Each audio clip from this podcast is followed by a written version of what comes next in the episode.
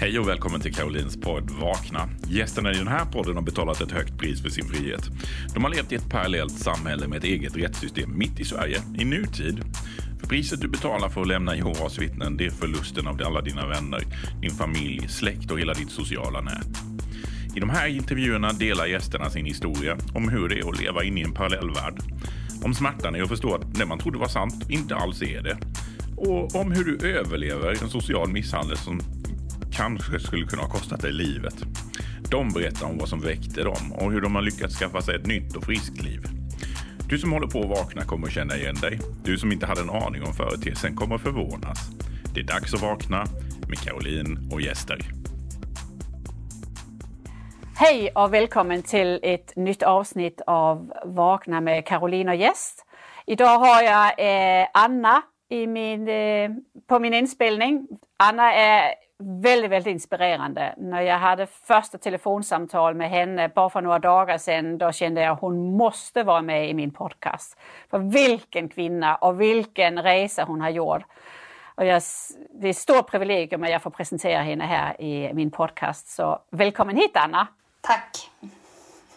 Så nu har jag ju bara berättat, jag tycker det är jättekul att jag har lärt känna dig. Vem, vem är du Anna? Vem är Anna idag? Um, Anna idag ehm, är gift, har två barn. Jobbar inom IT kan vi säga, sådär ganska oprecist med, um, ja. Har du ett bra liv idag? Har ett toppenliv. Det är upp och ner förstås som alla andra olika dagar, men idag skiner solen och vi har alla sovit i natt så det är bra. Du är i den här eh, välsignade tillstånd av att ha småbarn hemma. Ja, jag är föräldraledig. Ja. ja, precis. Och det är ju jätte, jätte... En, en, en härlig, livfull, sprudlande men också väldigt tuff period. Ja, verkligen. Ehm, ja, det finns ju en anledning att man ofta skaffar barn i lite yngre år, eh, för det finns mer ork. Men det går, mycket går ändå. Eh, ja. Det, ja. ja det, det, går fort tiden ändå. Det, det, det är kul. Jag fick en bild av dig och din lilla familj ja. och ni såg så glada ut. Jag har visat det för så många. min, mans, eh, min mans dotter hon bara åh vad fina ja. de är. Det är ju liksom sån där goal, goal family. Så du har spridit mycket glädje hos oss Anna. Men eh, som det tydligen kan bli idag. Ja, precis, utan precis. man ens kunde föreställa sig från början. Vårt samtal idag ska prata om dels ditt liv som Jehovas vittne men framförallt ditt liv utifrån Jehovas vittne. De utmaningar som du eh, mötte i resan ut och eh, också hur du har lyckats få ett så fantastiskt liv idag. Det är så, så spännande. Så om du berättar lite Anna, hur, hur är din bakgrund i Jehovas vittnen? Är du växt upp mm. som Jehovas vittne? Ja, jag är uppvuxen i eh, den här religionen um, från födsel. Uh, jag, jag, um, jag är uppvuxen i en äldste familj kan man väl säga. Min pappa var äldste från så länge jag kan minnas. Um, så han var väldigt lite hemma. men men eh, det var liksom utsidan på vår familj. Insidan var mer präglades i stort av psykisk ohälsa. Eh, och också för egen del alltså, vad jag skulle säga som fysiska och eh, mentala övergrepp egentligen från tidig ålder. Så vi hade liksom ingen, som du pratade om, en Bullerby-uppväxt. Men det hade vi ju inte haft heller, även utanför religionen kan jag säga. Utan det, det var misär många gånger kan jag väl säga. Så ja, till det så, så kom då liksom eh, sanningen, om man ska säga så, ovanpå det. Um, som gav någon form av struktur i, uh, i uppväxten som, som inte riktigt passade mig i alla fall, kan jag säga. Um, Men du, eh, hade du Kände du som barn när, de, när ni levde i det här kaos att ni fick eh, stöd eller hjälp från församlingen? Blev ni sedda Nej, ni barn? inte när vi var små. Alltså jag har ju en, en yngre, ett yngre syskon, en syster som är fem år yngre än jag. Så att jag har egentligen alltid eh, tagit hand om henne. Eh, för att våra föräldrar hade inte riktigt tid med det. Eh, om man ska säga så. De hade fullt upp med varandra. Och borde aldrig ha gift sig. Eh, men utan det så hade ju inte vi funnits, så det fanns ju ändå någonting med det. men, men det var liksom våran, eh, våran uppväxt. Eh, min, min syster har vid något tillfälle sagt att hon fattar inte att ingen bara kom och hämtade oss. Men det, det var ingen... Ja, så socialen var inte heller, alltså det var egentligen i det skedet ja, hon, precis. Ja, det, precis. Det är ju hennes reflektion efteråt som, som vuxen. Så. Så vi hade det inte, inte jättebra. Vi hade alltså mat och husrum och sådär så det, vi hade någonstans att bo men, men inte så uh, att vi riktigt hade någon som såg oss på det viset. Uh, det, det, slutade ju sen slutligen med, med skilsmässan då uh, mellan mina föräldrar och min mamma lämnade församlingen i det skedet. Och vilket ledde till att vi hade varannan veckas boende, jag och min, min syster som, som brukligt är. Eh, kan man säga. Och det, det höll ju ett tag, men, men inte jättelänge. Eh, jag eh, hade en annan plats i församlingen eftersom det var sånt kaos hemma och framförallt så kom inte jag och mamma överens. Så jag höll ju mig till pappa egentligen och han valde församlingen i det läget. Så det var naturligt för mig också att följa det spåret och där hade vi fanns en familj som verkligen eh, var urgulliga och såg mig och jag, de tog hand om mig egentligen. Så att på den vägen blev det att jag också valde sanningen. Eh, men jag valde egentligen någonting annat i första hand. En, en trygg punkt liksom med, med vuxna och med andra som, som såg mig. Eh. Så för dig så blev Jehovas vittnen strukturen och ramarna och tryggheten? Ja, det vet jag inte. Alltså jag skulle säga egentligen genom det så hittade jag människor som... Eh, ja, det, det, det gav ju ramar som, som jag inte passade in i. Eh, på det viset. Jag har alltid... Alltså det, det var ju hela tiden... Du hade tidigare på intervju här eh, nämnt hur mycket tid som man liksom, som barn får spendera på möten. Alltså jag, det är vad jag kan minnas från liten sommarkväll, alltså, inropad, påklädd klänning och strumpor. Jag hatade verkligen det. Och sen så skulle man liksom gå, gå förbi kompisarna som var ute och gungade fortfarande, gå på möte och sista lyssna på saker som bara... Eh, det var liksom min uppväxt och den struktur som jag kan minnas som var kvävande. Jag hatade det verkligen. Alltså... Men ändå så valde jag det sen då för att det var ju ändå där vid som jag hittade liksom människor som, som eh, jag kunde liksom knyta an till, vad ska jag säga. För alltså, man söker ju det som man inte får hemma. Det som man inte får av sina föräldrar och inte det man får liksom, som man behöver. Det söker man ju någon annanstans. Och har man tur så hittar man ju det. Eh, och jag hittade det också där. Så det var egentligen sammanhanget, inte den religiösa övertygelse som, eh, som fick in dig? Ja, precis så var det. Och eh, precis så, så var det. Eh, och det var ju liksom också så att eh, Eh, min mamma och min syster flyttade bort sen egentligen bara. Eh, någon helt annanstans. Eh, så att min syster och jag har i stort växt upp på varsitt håll. Och träffades inte igen förrän hon blev vuxen. Hon var 12 år någonting då. Så när hon blev mm. vuxen och flyttade hemifrån så träffades vi igen. Och har en väldigt bra kontakt idag i alla fall. Vad fint. Ja. Så hon tog egentligen en linje för din mamma var inte ett Jehovas vittne då mm. efter skilsmässan utan hon, hon lämnade det. Mm. Uh, så din, din syster fick aldrig Jehovas vittnen in i livet? Alltså hon fick det, ja, hon, no, alltså hon fick ju väldigt mycket in i livet. Hon, hon var ju 12, man hinner ju med väldigt mycket sanning kan jag säga om man ska säga citationstecken om det på, på 12 år och framför allt det här när mamma blev utesluten, konflikten som du också känner till med, med barn som har en förälder, alltså när man träffar människor från församling ute som hälsar på henne men inte på, på mamma som går bakom precis och vilka, vilken eh, magverk det skapar och ångest det skapar hos hela den här, eh, det är ju ändå en förälder och det är liksom ändå, det är bara fullt med konfliktytor.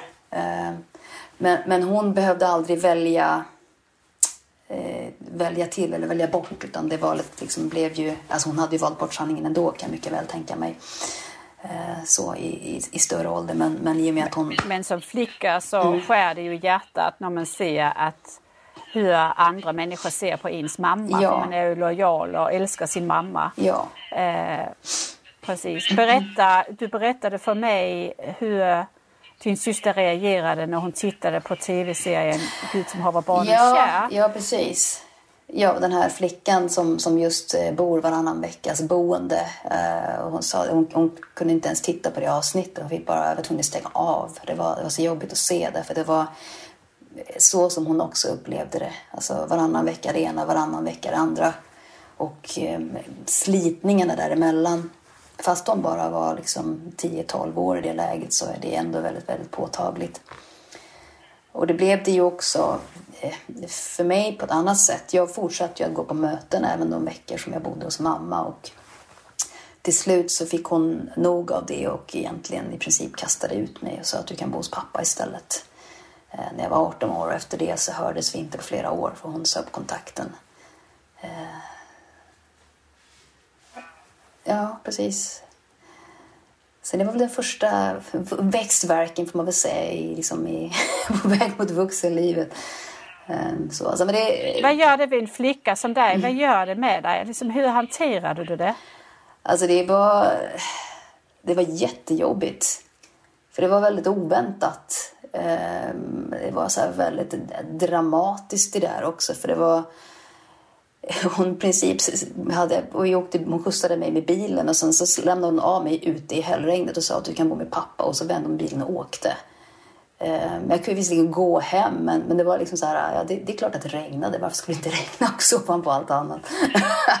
Eh, men, men det var, det var jättejobbigt alltså för det var alltså hela den uppväxten och sen så eh, väldigt jobbigt med, med skilsmässan när den väl kom. Den, den hade ju varit bättre när den kommit när man var liten för då hade det mycket varit överstökat. Men, men, men ja, eh, och skola och allt annat som man ska göra. Så jag, när jag träffade de här människorna som verkligen, verkligen såg mig så tog jag tog handen och kom liksom. Egentligen så. Alltså jag blir så berörd när jag hör dig. Det är nästan så jag sitter och tåras för det är så mycket igenkänning i det. Ja. Jag ser ju jag hör, det är som om jag ser mina barn i vuxenversion i dig. Ja.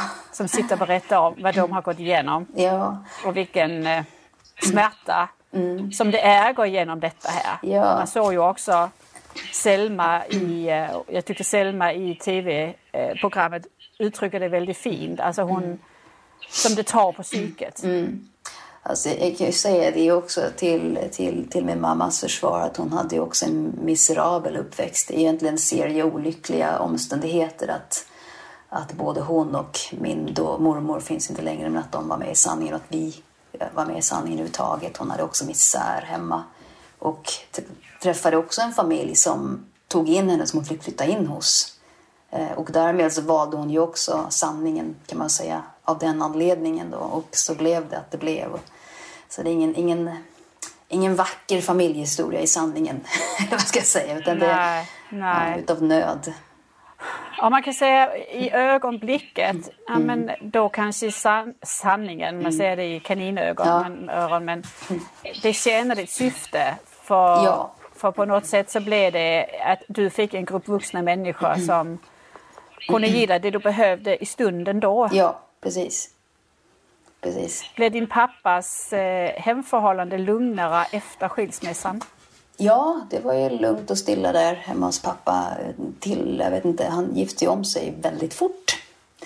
Det är ju ett visst underskott på män och bröder och äldstebröder. Han var, han, han, eh, vad heter det? Han ja, klev av, vad heter det på svenska, som äldste i, i ett halvår eller ett år och sen så var han äldste igen. Och sen gifte han om sig och fick en, en ny karriär i församlingen. Jag menar inte det nödvändigtvis som, som något negativt, eh, karriärordet, men han började ett nytt liv. Han har ju också förstås haft eh, ett, eh, ja, inte så kul hemma riktigt under väldigt många år. Så, att, så han hade bråttom att börja ett nytt liv och det gick väldigt fort för honom, eh, kan man ju säga. Men hem för dig att komma till med hans, hans nya fru och nya familj? Um, nej, alltså... Nej, vi, vi drog inte riktigt jämnt kan jag säga. Alltså, det, det är ett svårt läge att komma in i men, men hon och jag eh, drar inte jämnt och har aldrig gjort. Så det var ju det var min motivation för att flytta hemifrån. jag tänkte att jag, alltså, inget av det andra var egentligen det men, men det här var, nej det här alltså det, det går inte. Um, så så det, det, gjorde jag så fort det gick. Um, egentligen så hon eh, var ju en uh, gammal ungmö får man väl säga. Som nu slutligen hittade någon. Och de behöll hennes lägenhet och den flyttade jag in i. Så blev det. Så vi bytte plats egentligen kan man säga. Så... Hur gammal var du när du flyttade hemifrån? Uh, du, jag var nog... Uh, jag tror att det var 19 faktiskt. Uh, så det, alltså, det, blev ganska efter att jag tog studenten och det blev väldigt så impulsartat. vilket ja, var väldigt sådär... Jag hittade egentligen en stor flyttkartong och sa nej men vad bra, nej men nu flyttar vi. Jag flyttade ihop en kompis också som behövde någonstans att bo så det var liksom, vi flyttade in båda två tillsammans i, i den lägenheten och det var, det var toppen. Var, eh, när döpte du dig? Hur gammal var du när du blev döpt? Um, alltså jag vill minnas att det var runt 19 det också.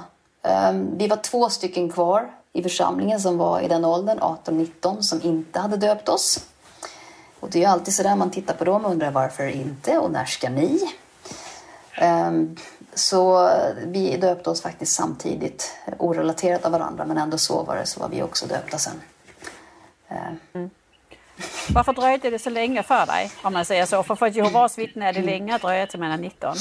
Alltså jag har inte haft någon sån relation till sanningen. Alltså min relation var ju just det här att jag träffade...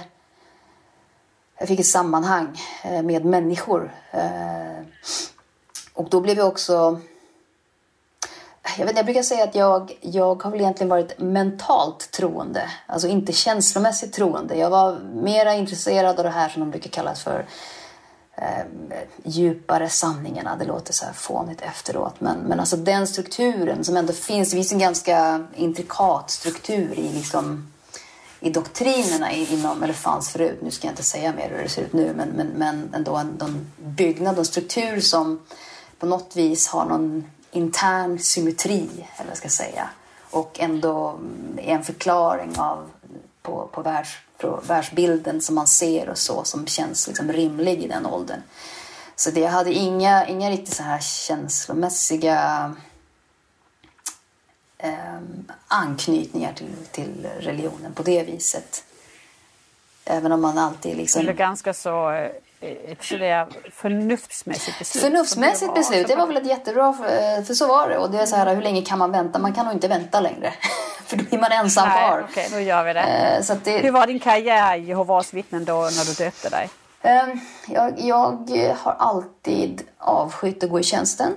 Eh, men man ska ändå liksom försöka och eh, bli pionjär. Så det blev jag. Jag var pionjär i ett år.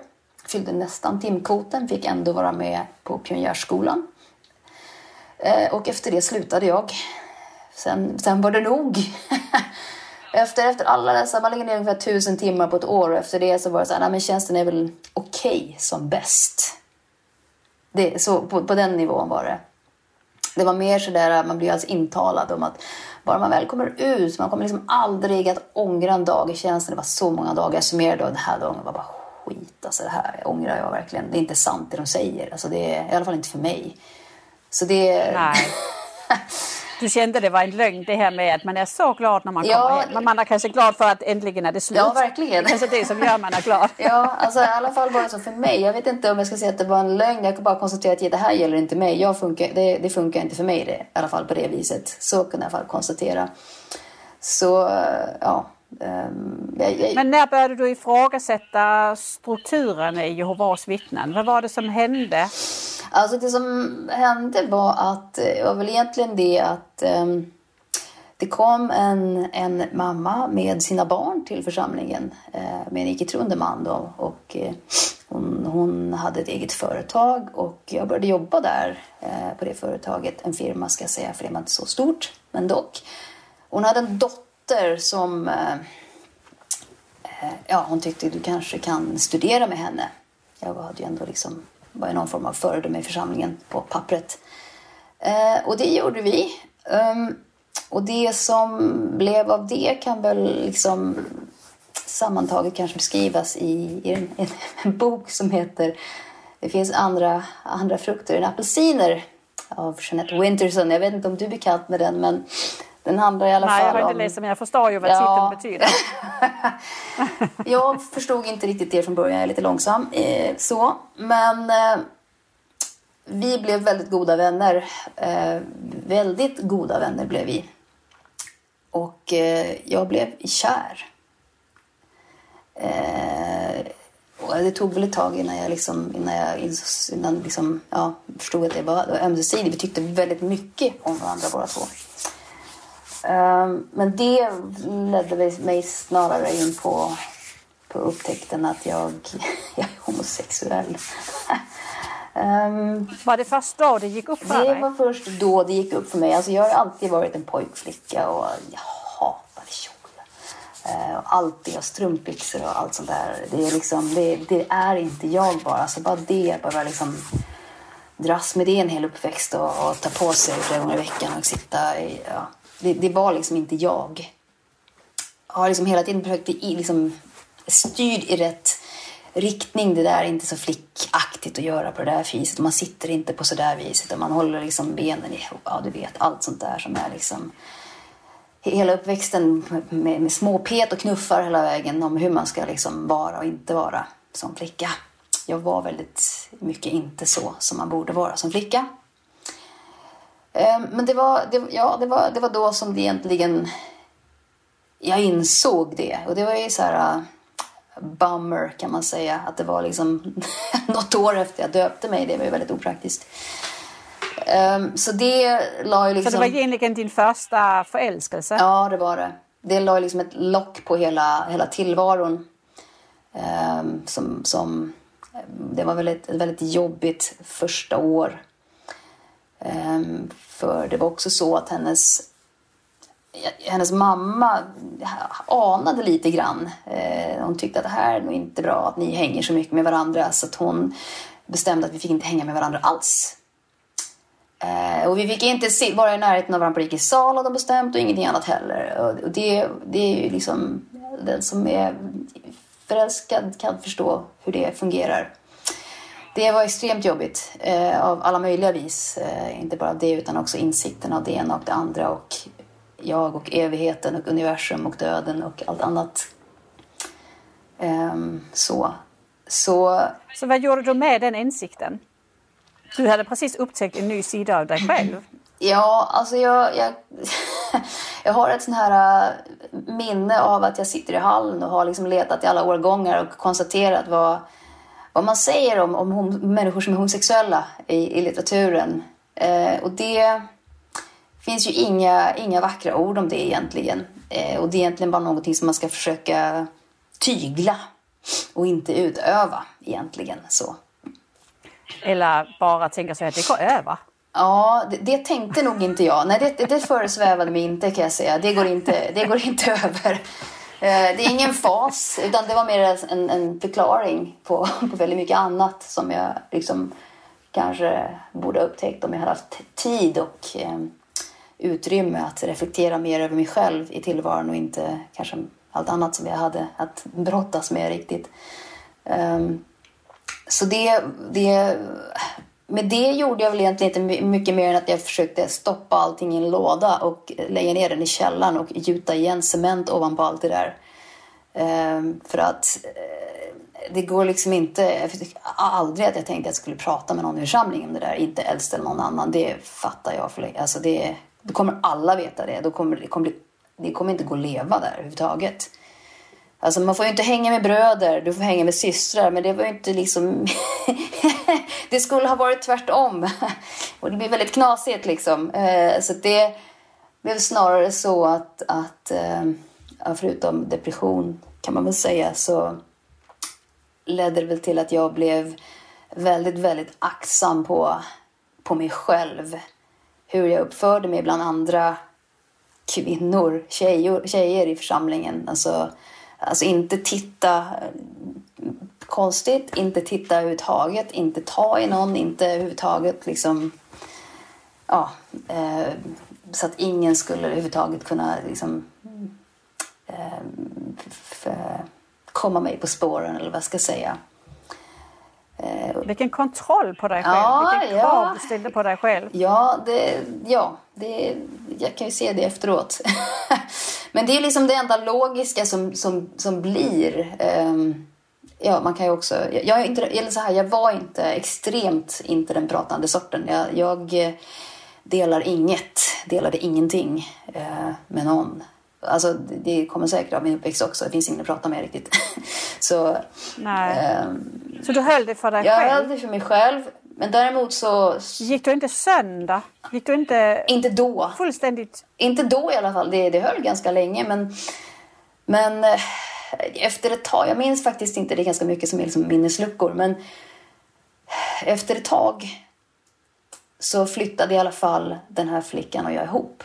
Alltså ogifta systrar kan ju bo tillsammans. Det här är nu, ska jag säga då också, 30 år sedan. Eller så, ish. Eh, så att man, man hade liksom inte samma blick för vad som skulle kunna eventuellt vara ett problem eller inte. Det var liksom väldigt naturligt att två stycken eh, ogifta, pionjärer eller inte, eh, delade hyra och sådär. Och så. Så den flickan du var kär i som ja.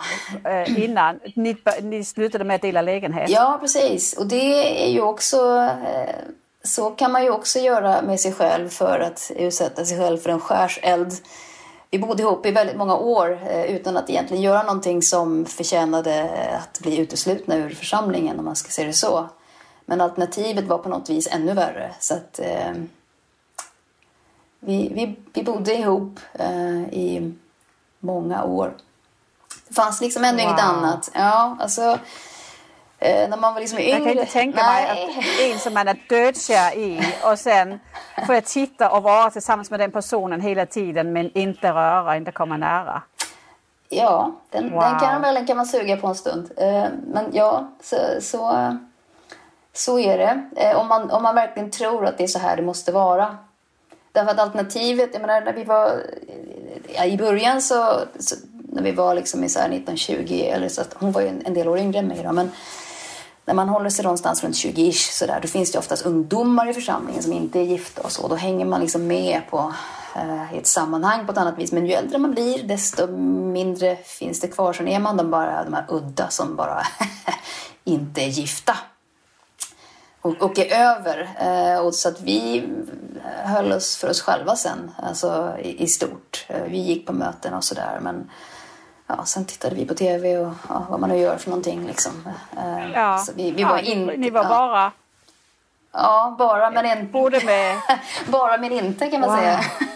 Som ett gift par men hör dig berätta, det knyter, sig hela, det knyter sig hela min strupa för jag ja. känner vilken press att leva under. Ja, alltså det, och det blev ju så... Eh, alltså så här...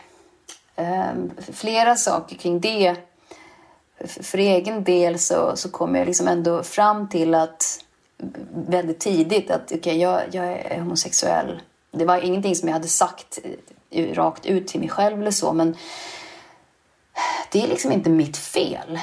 Eh, jag, jag är född så här. Jag är, jag är, född så här. Det är inte mitt fel. Så jag, jag tänker inte känna mig som en dålig människa. Eh, det, det var vad jag kom fram till. Eh, sen tyckte jag att liksom, varför ska jag straffas för det här? Det är, liksom, det är orättvist. Varför ska jag, varför ska jag behöva leva i liksom, både nu och evighet ensam? Liksom, för det, det är inte mitt. Jag har liksom inte gjort något för att förtjäna det. Jag tyckte det var sjukt orättvist. Um, det, men det blev ju så till slut att, att eh, eh, hon eh, som jag, som jag levde med eh, bara sa att nu får det vara nog. Eh, och hon flyttade till en annan stad. Alltså hon ville att jag skulle komma med och börja ett annat liv men jag var liksom inte där då. Eh, så hon flyttade och eh, träffade någon sen som hon eh, gifte sig med. Och det, det blev ju liksom början till, till alltihopa för min del också kan man väl säga. Eh, jag... Vad var det som gjorde att du inte vågade? Eh, du hade inte liksom bott med henne i så många år. Mm. Eh, hur många år levde ni tillsammans innan hon flyttade? Oh, många. Vi, vi lämnade vi många, alldeles för många. det, är bara sorgligt. Men, Okej. alltså, Men, men ni bodde i, men vad var det som gjorde att du inte var redo? För du hade ju insett det. Ja, alltså jag... Min, så här, jag, jag, är, jag är oerhört lik min pappa. Um, alltså det är som man brukar säga, the spitting image. Fick höra det på alla sammankomster som så när jag var liten. Ja, det här är förstås din dotter, det ser man ju på. Och jag har liksom i sättet väldigt mycket, också som han, inte helt förstås, men väldigt mycket.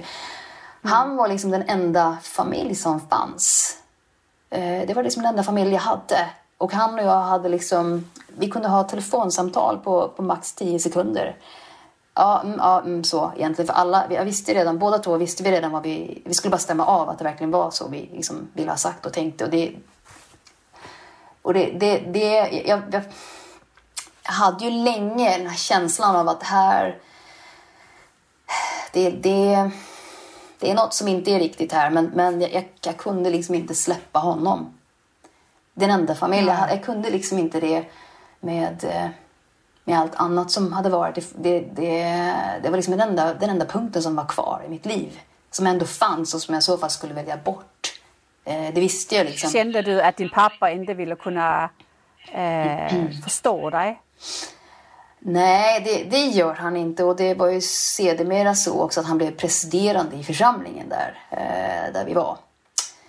Eh, jag, jag ska väl säga också som ett litet tillägg att min, min vän och jag innan alltihopa, vi, vi, vi, vi drog oss liksom undan från församlingen. Du hade en, en gäst som pratade om det ganska bra. Han sa att sorti, alltså energier som sorterar ut sig eh, ändå.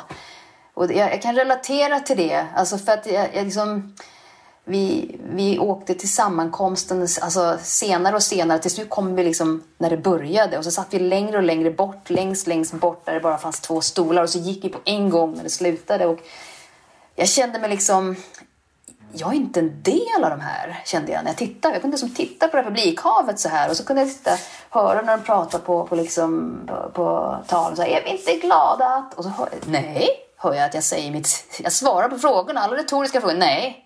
Är vi inte glada är det inte fantastiskt? Nej. Eh, så redan där har jag liksom börjat... Det här, det här, jag är inte här. Eh, men, men det liksom, kostnaden ligger liksom ändå undermedvetet där. Att, att om man drar det till sin spets så, så måste jag liksom lämna min pappa. Alltså det, det, det ligger ju liksom där som...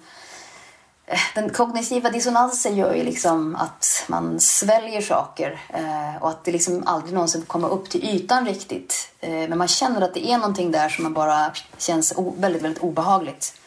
Så. Ehm. Det som är så viktigt eh, när man eh, har barn, att man förstår den här, eller också för sig själv, viktigt att ha den här kontakten med sig själv och våga lyssna på vad säger min kropp till mig? ja, det, det var ju det som, Gör någonting som i den grad går emot mig själv. det var ju det som Det, som kom sen som ett brev på posten. Liksom. Ehm, men vi hade ju liksom, det hade blivit ett sånt upplägg att vi, det var ingen i församlingen som riktigt visste vad vi var och inte. För vi åkte runt i andra församlingar och se om det var bättre där. Det var det inte. Det var ju andra människor. De var väl också lika trevliga men det kändes liksom inget bra någonstans riktigt. Och sen eh, flyttade hon och sen träffade hon en annan tjej. Eh, Så hon lämnade församlingen eh, och det, det var ju liksom då, eh, jag är liksom helt ensam. Fram till dess så hade ju hon och jag ändå haft ett vi hade haft det som ett outtalat samförstånd kring församlingen. Man, man kan liksom inte prata om de här sakerna. Det kan ju inte gifta heller göra när man börjar liksom fundera. Utan man bara så här, det här... Mm, man kan liksom inte verbalisera det eller sätta ord på det men man är ändå överens om det på något vis på någon nivå. Att församlingen är där och här är vi. Vi är nu bredvid församlingen egentligen, inte, inte i församlingen längre. Eh, båda två. Och när hon då lämnade så var jag bredvid församlingen alldeles ensam. Um, och hade ingen att prata med. Uh, och sen... Det var um, ganska jobbigt. Eh, och också då insåg jag också liksom människor som i församlingen, jättetrevliga människor eh, som försökte liksom dra in mig och så eh, och bjuda med mig och så där, där det var tillfälle de, de gillar ju mig, de talar om att de uppskattar mig också, men de, de, de gillar ju bara den, den del av mig som de känner till. Det finns ju en stor del, andra halvan av mig är det ingen som känner. Eh, så de vet inte vem jag är, de vet inte vem jag är och de kan därför inte heller uppskatta mig. Eh, så det de säger väger liksom ingenting. Eh, det, alltså inte deras, eller vad ska jag säga, de vet inte om att de inte vet. Eh, men, men jag kan ändå se det, att de, de, ingen som känner mig och ingen vet vem jag är och ingen uppskattar mig egentligen. Det låter jättejobbigt när jag säger det. Ja, ja precis. Men det, men det är ju... Eh... Det, var, det var liksom det som gick, in, eh, gick upp för mig. Eh, och sen också det så började liksom, jag började närma mig den här mittlivskrisen som kommer som ett brev på posten när man börjar fundera på ja, halva livet har snart gått. Vad ska, hur ska andra halvan se ut? Ska det vara så här verkligen? Eh, och sen, sen till det så kom också på jobbet så fick jag möjlighet, det var jätteläskigt, men att gå en, en utbildning som heter UGL. Jag vet inte om du är bekant med det? Det är sån här, kommer från ja. eh, armén tror jag egentligen från början. Alltså utveckling av grupp och ledare när man egentligen ja, väljer ja. ut 12 personer eh, och man får inte känna varandra sen innan eh, och man, man eh, ska egentligen lära sig att, att, att, att ehm, lösa problem tillsammans och få syn på... En stor bit är att man ska ge feedback till varandra. Alltså på en gång. Människor man inte känner, man vet knappt vad de heter, man får inte veta var de kommer ifrån och vad de gör eller någonting sånt. Alla de här vanliga sakerna. Som vem är du? Då börjar man alltid med jag bor här, jag jobbar där, jag har si och så familj och så här. Utan sånt pratar man inte om utan utifrån hur man är och hur man uppfattas av andra. Ehm, så jag tyckte det var jätteläskigt eh, att, att åka dit. Men någonstans så insåg jag också att det här är liksom ett nytt sammanhang. Ingen människa känner mig där. Jag kan egentligen vara vem jag vill. Eh, så jag tänkte att nej men okej, jag ska prova att vara någon annan, eh, bestämde mig liksom, i det sammanhanget. Så jag bestämde, alltså jag, ja, jag testade att, att vara någon helt annan. Istället för att vara, jag liksom lärt mig vara perifer egentligen och hålla mig i utkanterna så, så tog jag alla initiativen i den här gruppen istället. Eh, och det var en väldigt intressant, eh, en väldigt intressant upplevelse att få en, en helt annan liksom, blick på sig själv och få väldigt mycket feedback och positiv feedback för hur jag är eh, som person. Hur kändes det när du gjorde det? Det var... alltså man har ju så här, hoppas att ingen ska avslöja att man är en bluff, men, men det, det funkade liksom. Utan det, det var ju också en sida som ändå fungerade. Och väldigt påtagligt blev också det här med gruppdynamik, hur, hur det fungerar. Att man får en uppgift att lösa och så tittar man alltid vem verkar bestämma här och vem eh, lite så här också. Sen gör man som alla andra gör. Det, det liksom faller sig in så. Och eh, ja, eh, jag ska inte gå in för, för långt på det känner jag. Men det, det, det gav i alla fall en väldigt eh, en positiv känsla eh, för mig som person. Det var första gången jag upplevde det. Alltså... Du kunde faktiskt vara, du behövde inte vara den roll som du har blivit tilldelad eller som du hade tagit i församlingen. Du skulle kunna vara en annan Anna. Precis. Ja. Som tog plats. Precis. Och du behövde ju att ta plats i ditt eget liv. Ja, precis. Um, så, så där någonstans um, började fundera på vad jag vill göra. Då var jag fortfarande med i församlingen, men efter det så bestämde jag mig Alltså jag är snart mitt i livet. Jag har alltid velat åka på språkresa, det fick inte jag. Um, jag ska åka på språkresa. Kan man lära sig ett nytt språk mitt i livet? Det kan man. Um, så det, det, det, gjorde jag. Jag åkte iväg en månad till, till Österrike. Det var jättekul. Sen efter det så åkte jag på konserter i Berlin och tittade på Rammstein. Jag kan säga att min pappa höjde på ögonbrynen. Är det verkligen bra? Han och jag träffades varannan vecka så där och åt lunch. Det var liksom hans sätt att hålla kontakt med mig överhuvudtaget när jag inte var på mötena.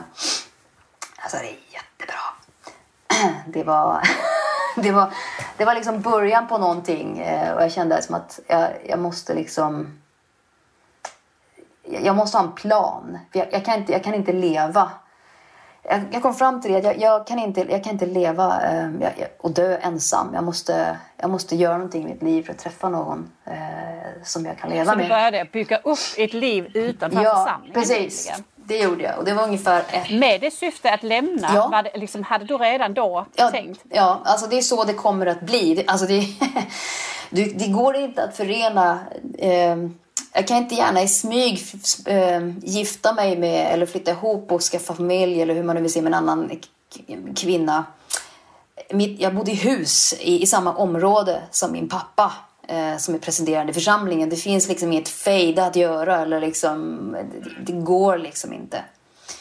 Eh, utan det, det, kommer att bli ett definitivt bryt, en definitiv brytpunkt och, och samtidigt som jag på, på, hösten då, på det året där, då, då gick den här serien också Torka aldrig tårar. Den gick samtidigt som jag försökte bygga upp mitt nya liv. Så jag kunde, det var lite surrealistiskt att eh, på något vis se på det som komma skulle i realtid på något vis. Medan jag samtidigt levde i förfasen av det som skulle... Så det, det var liksom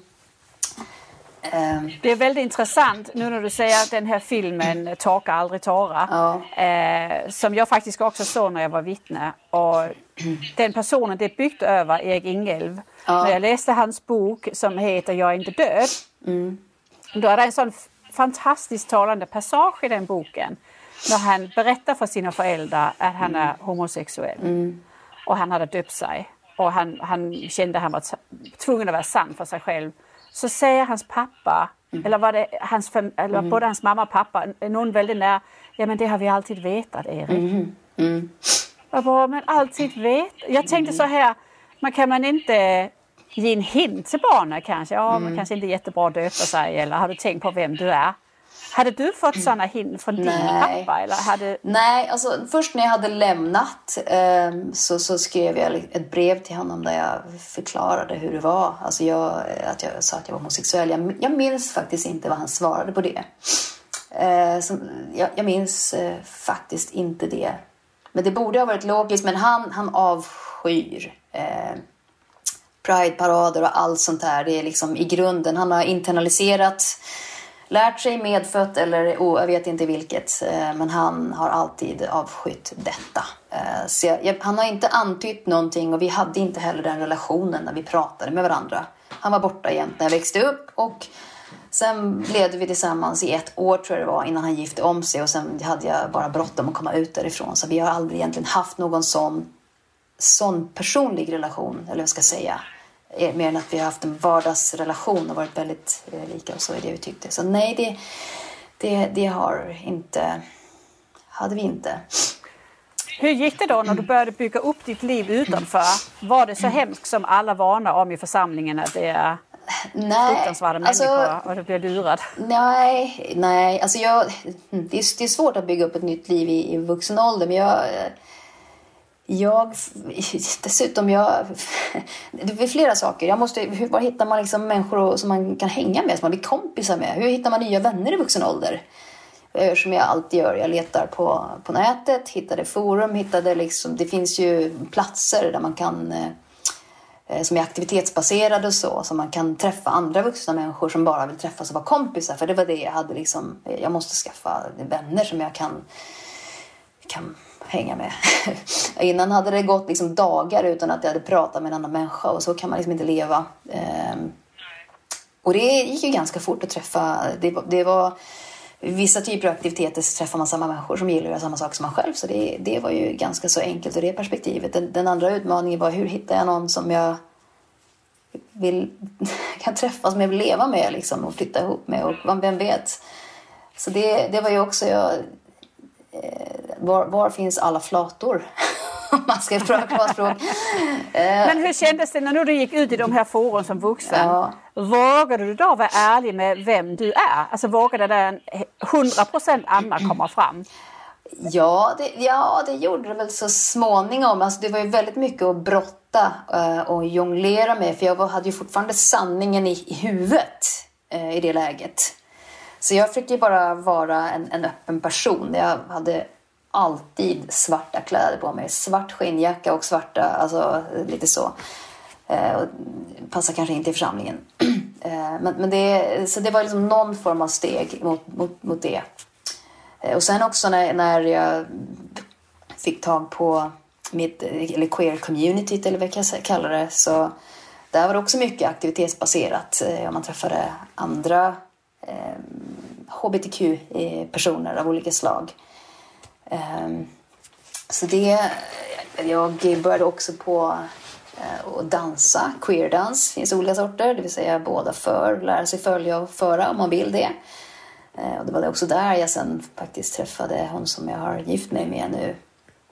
Eh, så det var väldigt mycket nya aktiviteter. Det var liksom det var mitt fokus i första hand, att eh, rikta mig utåt och, och, och, träffa, hitta andra människor, ett socialt sammanhang. Så, så det hade jag samtidigt. Ja, det hade jag samtidigt som jag fortfarande träffade min pappa varje vecka åt lunch. Jag hade liksom ett, ett så här man måste tänka på vad man säger och inte. Eh, jag kan inte berätta om den delen av att jag har varit på RFSL-huset eller börjat träffa... Alltså det är, sådana typer av vardagsincidenter vill man inte att de clashar med, med lunch med pappa eh, riktigt, riktigt än innan jag kände att jag var beredd att flytta ut, eller vad jag ska säga. Så det var till och med så att jag hann flytta in till eh, min flickvän eh, och så. Ehm, innan, innan jag väl bestämde mig för att flytta ut ur församlingen. Ehm, det var mycket precis eh, just där kan jag väl säga för att det var också så att jag blev av med, med jobbet samtidigt. De la ner hela anläggningen där, där jag jobbade. Så det var liksom nytt jobb, nytt socialt sammanhang, nya människor och sen dessutom eh, det ofrånkomliga som, som kom alldeles efteråt, att liksom klippa alla band till, till allt annat som har varit. Eller rättare sagt, jag skrev ett, jag skrev ett, ett, ett, ett e-mail till en annan äldstebroder i församlingen, inte till pappa. Jag hittade det faktiskt i, i, i utkorgen här fortfarande efter alla år. Eh, jag hade, jag hade skrivit egentligen bara att jag, jag, att jag lever egentligen inte efter Bibelns principer så jag kan inte vara kvar. Det är tråkigt men så är det. Det var ungefär vad jag hade skrivit och inget mer. Så eh, då fick jag ju det här eh, vad heter det, sedvanliga telefonsamtalet att vi har bestämt in, bokat in ett liksom juridiskt, eh, vad det nu heter, jag har tappat orden nästan Mm här, alltså kommittémöte. Ja, kommittémöte. Kan du komma eller då på, på, på, liksom på söndag? Så då, då var vi på, på Herräng, jag och min fru, och dansade. Eh, flickvän då. Vi dansade Lindy Hop. Eh, så det var så här uh, mitt emellan klasserna i strålande sol. Kan du komma på kommittémöte? Nej, jag kan inte komma på ett kommittémöte. Och jag hörde ju liksom att eh, ja, ja, men då, vi kommer ha sammanträde här ikväll. Och så, ja, bra, ha det, lycka till. Eh, I princip så sa jag det bara. Och så ringde han den dagen och bara, ja, nu har vi bestämt att du ska bli utesluten och så. Det kommer pålysas på tisdag och så, ja okej. Okay. Jag hörde ju på dem att de, hade, de trodde jag hade träffat någon, någon kille och sådär som man brukar göra och så. så. Men jag mm. sa ingenting och lämnade inga detaljer så att Um, nej, det spelar ingen nej, roll. det spelar ingen roll. Jag tyckte att det... Nej, jag, nej, precis. Jag tänkte att de, de har inte med det att göra riktigt. De får tro vad de vill. Uh, för det var egentligen jag som sa att, ja, att uh, jag inte kan vara med där längre.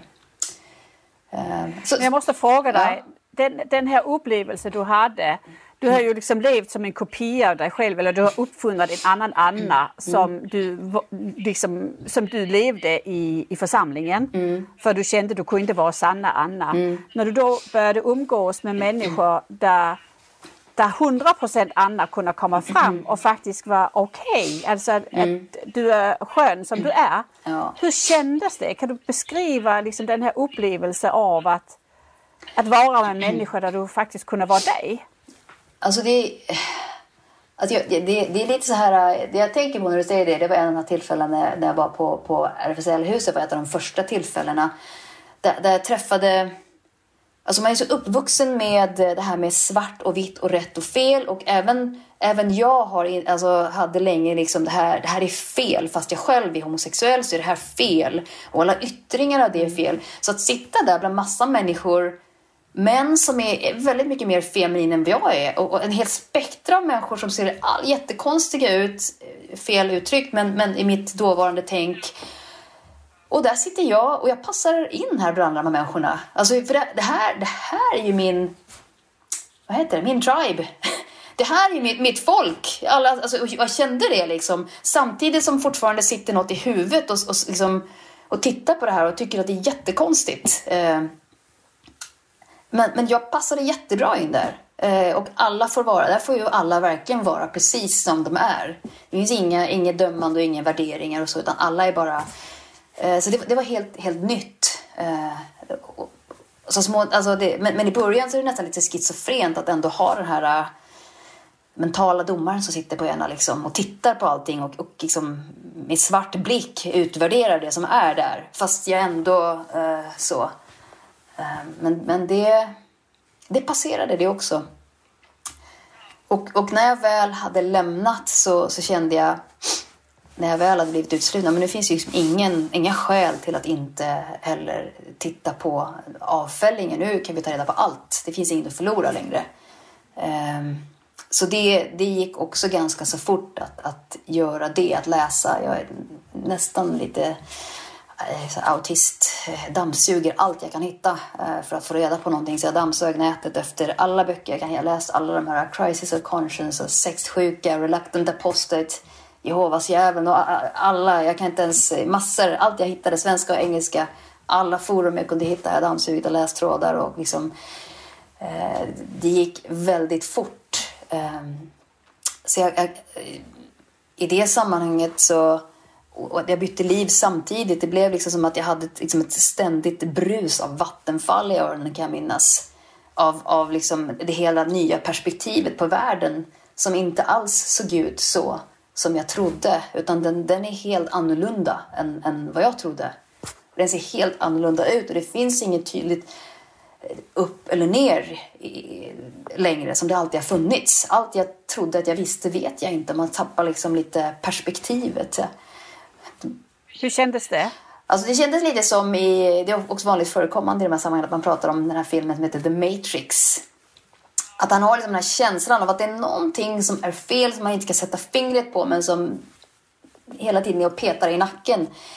Eh, och han valde ju liksom att, att ta reda på vad det var och blev därmed också utspolad och utspottad från den verklighet som han kände. Och just den här känslan av att när han kommer upp där ur, ur liksom och ska dra det första andetaget som är så här och fullständigt bara, var är jag? Och det, ungefär så kändes det, eh, konstigt nog. För det är också väldigt konstigt hur man kan leva i världen och ändå inte vara en del av den fast man tror att man är det. För jag, alltså det, det är så här, man pratar ju ofta om så här, sekter och så här, men vi är ingen sekt. För vi lever ju i, i samhället ändå. Eh, men, men på, ändå på något vis så har man ändå levt parallellt i och med att Eh, man hela tiden avskiljer sig från, alltså om man nu lever som man bör, inom citationstecken då, man avskiljer sig från, från allt och alla och hela samhället ändå. Eh, från väldigt tidig ålder. Så det var väldigt mycket som jag, jag, jag inte visste liksom, hur funkar det här egentligen? Eller hur liksom, ja, och innan man hittar bäringen igen på vad, vad som nu ska vara upp och ner i tillvaron. Eh, det, det var verkligen så här pff, vattenmassor i, kändes det som bara brusade i öronen i, i flera månader. Sen så bara tog det slut en dag och så landade liksom saker och ting. Eh, av... Så var du vaken? Ja, precis. Ja, då var jag vaken. Det var lite grann som psh, en snabb injektion av eh, bara psh, eh, eh, och omställning av, av huvudet. Eh, jag sov ganska mycket under den perioden. Så jag, då hade jag precis träffat, ja då hade jag också precis, eh, det var ju ganska början av vår vänskap, eh, min, min nuvarande fru och jag. Hon undrade vad, vad är det här för någonting? Hon sa också det, för när jag, jag skulle försöka förklara för henne var jag kommer ifrån. Vi träffades på den här danskursen samtidigt som Torka inga tårar. Så försökte jag fråga henne lite så här försynt, alltså, har du sett den här som går på tv nu? Så hon sa, ja, ja, alltså något så fruktansvärt överdrivet. Så. Det, var, alltså, det kan jag bara inte, alltså, hon var väldigt skeptisk och sa det här, det här är verkligen den mest autentiska beskrivningen jag någonsin sett av den här miljön som jag kommer ifrån. Och då blev hon helt tyst, alltså alldeles paff. Eh, hon var alltså lite av en, en, eh, religiös analfabet skulle jag säga i början.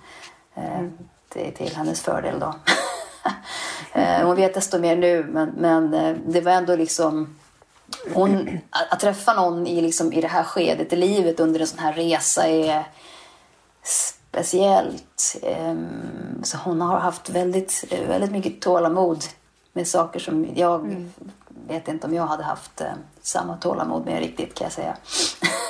Samtidigt är det också någonting som binder ihop er. Ja. För att eh, hon har varit med om din förlossning kan man säga. Ja, jag har varit med om båda. Hon har liksom sett dig födas Ja. eh, till vem Anna egentligen är. Ja. Och, för först, och hon har fått uppleva världen tillsammans med dig även när du ser den för första gången på, som, den, som den är på riktigt. Mm. Ja, Får jag fråga, tror du att det är många som dig Anna i, inom Jehovas vittnen? Eh, alltså jag, jag kan väl så här. En av de saker med att, att jag har vuxit upp så här är att jag har absolut ingen gaydar som man brukar säga. Jag kan se ett vittne på 200 meters håll fortfarande kan jag peka ut var de är någonstans. Men min egen tribe har jag väldigt svårt om inte någon kodar lika, lika mer uppenbart som jag gör. Men, men det finns säkert. Men innan, jag, jag visste inte, innan jag lämnade församlingen i mitt i livet så hade jag till min kännedom inte träffat någon. Jag sa det till, till min fru att jag har heller aldrig berättat, sagt högt till någon eller mig själv att jag är homosexuell. Och då, hon skrattade mig rakt i ansiktet och sa det är så uppenbart skrivet på hela dig så vad menar du att ingen har liksom... och det är det väl kanske? Man kan ju säga så här det finns ju otroligt många som jag ser eh, är små Anna i församlingarna. Och, och det som egentligen är sorgligt, som jag har tänkt på efteråt, det är att vi alla går och pratar om det. Vi, känner, vi känner dem, vi vet vem det är. Och vi tycker också det är lite sorgligt. Eh, men de är ju fångna i det. Ja, alltså det är precis. Så det, Eh, och man är ju själv, så länge man är med, är man ju med att fånga in dem. ja, Och det... Jag, jag har tänkt så här. Vi satt faktiskt och pratade om det, för det är någon som vi vet är Anna i församlingen. Eh, och då sa vi, ja men hade det varit kärleksfullt att, att säga det till dem? Vi ser vem du är. ja. Hur hade du... Ja, det hade det nog. Det, det gör de ju faktiskt i den här Paul gör ju det i den här Torka aldrig tårar. Han säger det till och han öppnar ju dörren och säger du vet om att du är homosexuell va? Och så stänger han alltså, sådär. För han visste inte det då riktigt. Alltså så. Det, hade, det, hade, det skulle kunna underlättat en del, ja. För att vi pratade om det och min man sa, men det är klart man ska säga det, det är kärleksfullt. Och jag sa, nej det är jätteintegritetskränkande. Det beror på hur man gör att, att det. säga det. Ja. Alltså, ja. det, det, alltså det beror på om man, om man känner personen eller om man liksom... Eh, men, men det hade ju besparat mig en del kan man säga. Eh, onödigt... Eh, ja. nu tog vi livet en annan, annan väg och det finns ju alltid saker att lära sig av, av så. Men, men det här med att... att eh, som man pratar om, att eh, funderat en del på det också, det här med att förneka sig själv. Ehm, det är ju det är också det som man menar, som, som Jesus också sa, att man ska liksom förneka sig själv och lyfta upp sin tortyrpål och följa och bla bla. Eh, Men till vilken gräns kan man verkligen förneka sig själv? Att förneka saker man vill och inte vill, att förneka sig själv det. Det är ju en sak att förneka vem man är. Alltså jag är ju stöpt i en väldigt konservativ könsstereotyp mall och det hjälper ändå inte. Efter ett halvt jag, det slutar med att jag, jag bara börjar gråta överallt. Jag, jag, mitt ute i affären och ingenstans och jag vet inte varför jag gråter. Någonting går bara sönder inne till slut. Det, det går liksom inte. Så att, så, um, jag funderade på det, den här, den här nya förståelsen som jag nu förstått som man har att, att om man nu är homosexuell eh, så, enligt vittnens förståelse så ska man liksom få tusen år på sig på att inte bli det. Alltså man ska på något vis lära sig att leva rätt. Och jag kan säga att ett halvt liv är nog för att ta livet av en. Tusen år med att försöka lära sig. Det, det, det, det är ju skärseld och död. Alltså det är inte... Om man tittar på det egentligen så... De förstår inte vad de säger. De, de förstår inte vad de säger och vad de begär. Det. Och, Nej, för det är ju ett gäng heterosexuella män som sitter Ja. och tolkar detta. Och det, det är ju jättesvårt att förstå det. Men det som jag inte kan förstå det är att man kan åtminstone, även om inte man förstår det, så kan man visa förståelse. Genom att till exempel inte sätta upp en sån dum grej med att ja, men då får du tusen år på att eh, fixa till det så det blir rätt. en annan sak Anna, det är ju, jag vet ju att det är ju väldigt, väldigt många som är Jehovas vittnen som lyssnar på den här podd. Och de som lyssnar på den här podd är ju de som sitter med funderingar, som sitter med en, eh, en tvivel om de ska fortsätta eller inte fortsätta. För jag tror inte de som är helt övertygade lyssnar på min podd, utan det är en speciell kategori av Jehovas vittnen som lyssnar på den. Vad skulle du vilja säga om det sitter en som känner igen sig i dig och, och bara oj det här klingar med mig, det är ju mig Anna pratar om. Vad skulle du vilja säga till han eller henne? Alltså, gör upp en plan skulle jag vilja säga.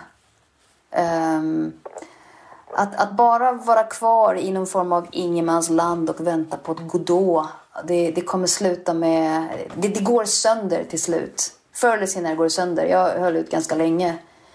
Eh, och då är det frågan bara hur mycket man liksom känner att man efteråt har kastat bort delar av sitt liv som man kunde gjort någonting annat med. Om man sitter där och ändå tänker de här tankarna, försök att tänka dem fullt ut. Jag gjorde det inte förrän efteråt. Då, då släppte jag allt och tillät mig att tänka alla tankar fullt ut vad konsekvenserna är av olika läror och, och alla såna här saker. Och då, då faller de nästan på, på sig själv. Men försök att göra upp en plan och ha en, en, liksom en, ett beredskap för vad du ska till så att du inte bara ramlar ut på mm. andra sidan. Mm. Eh, det är väl vad jag skulle säga. För det vet jag inte riktigt. Skulle du rekommendera också sam, samma som dig att, att söka sig till forum för att lära känna människor som man kan... Eh, för jag måste ju, det är ju alltid helande att komma in i ett gemenskap där det är en klang. Alltså man spelar samma musik. Ja, eh, precis. Det, det skulle jag absolut. Eh, jag ska ju tillägga att jag hade dödsångest första gången innan jag klev in på, RFSL-huset. För det av alla syndens näster och stora Babylon, jag säga, av vilddjurets märken och allting. Och, och inte minst för att rikesstaden inte låg allt för långt därifrån för att bli sedd. Ehm, men det, det är det värt. Ehm, man får syn på sig själv, eh, den man är också. Alltså med andra människor som bedömer en för den man faktiskt är, inte från den de tror man är som, utifrån den fasad som man är tvungen att hålla upp. Alltså för du, du, du det finns ju bara enhet i församlingen för att något annat inte tillåts.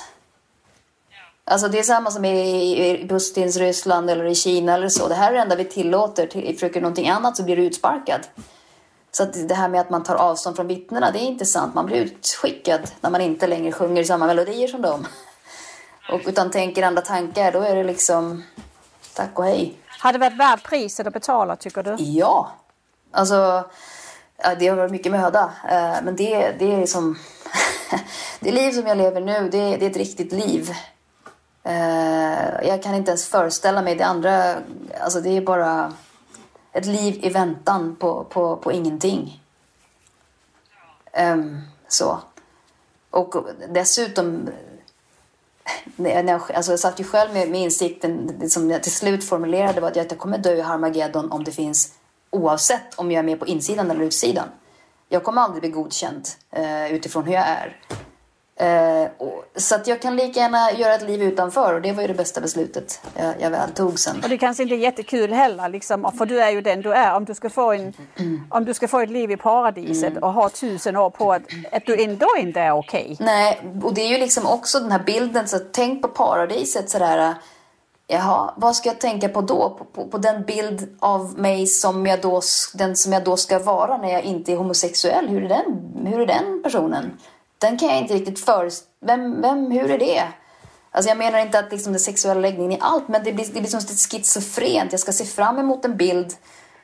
Jag kan inte ens se mig själv där, för jag kommer inte vara där. Det är det korta liksom. Eh, det kommer vara någon annan i så fall. Eh, och jag vet inte vem det är. Så att, eh, Om nu det är så här, Anna, att det sitter någon och... För det är väldigt många som skriver till mig efter poddarna och så frågar de oj, skulle jag kunna få prata med den personen eller skulle jag kunna få prata med den personen eller han sa någonting som klingar så väl eller hon sa någonting som klingar så väl. För, de, för, jag, kan, för jag förmedla på något sätt eh, din kontakt. Jag vet ju du, du vill vara, ditt fulla namn vill du inte ha med. Nej, och, precis. Och, Nej, precis. Ja, men det går äh, jättebra. Jag ska säga att vi, eh, som sagt, vi har, ny, vi har småbarnsföräldrar just nu. Eh, vi håller på att flytta och vi håller på att bygga hus. Eh, och vi har en, en massa andra saker. Så att jag kanske inte svarar på tilltal på mail på, på, på vändande post. Men det går jättebra, absolut. Jag mm. kommer att svara. Eh.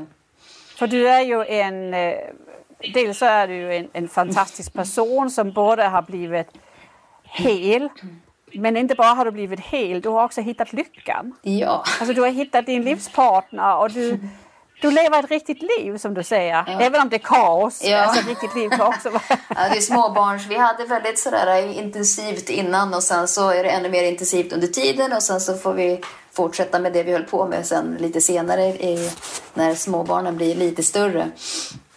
Men, men eh, det är sånt här som jag verkligen minns. Insikten att ja, jag, kan, jag kan bli förälder. Det, det såg jag heller aldrig framför mig.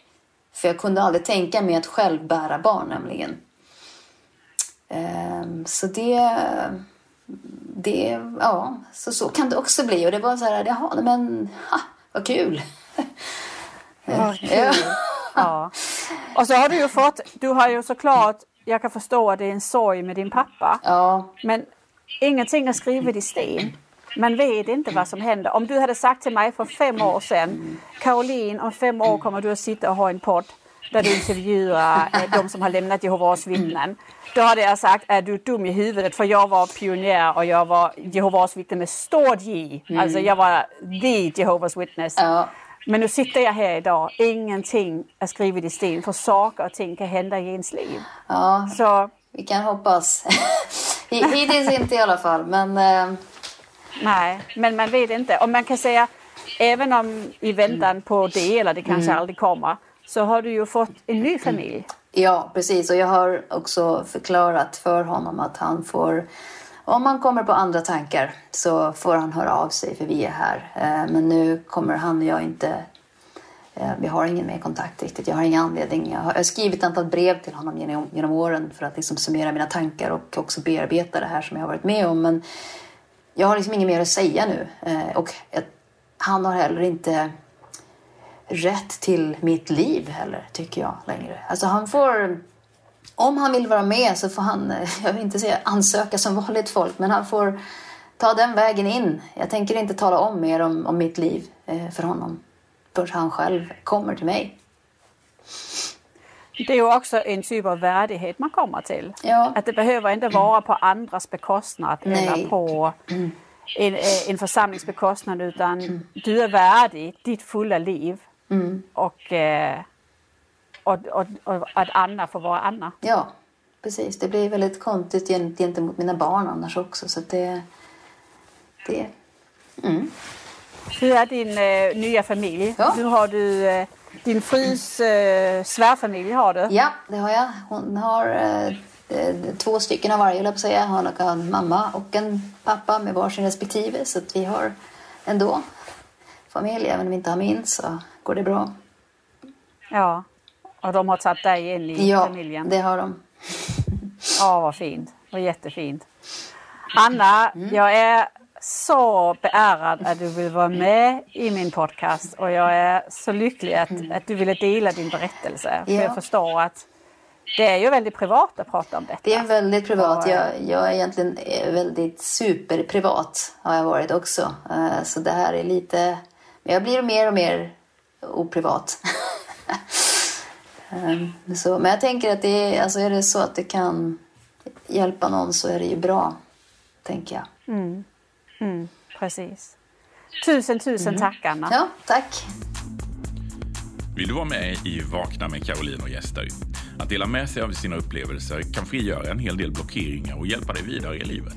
Det är ofta helande och läkande att höra sig själv berätta vad man har varit med om och som man faktiskt har klarat av. Det är som en tung ryggsäck som man kastar bort för att gå vidare med nya och friska krafter. Besök reject.com och anmäl ditt intresse om du vill vara med. Knappa in r-eject.com e, reject.com. Du är varmt välkommen.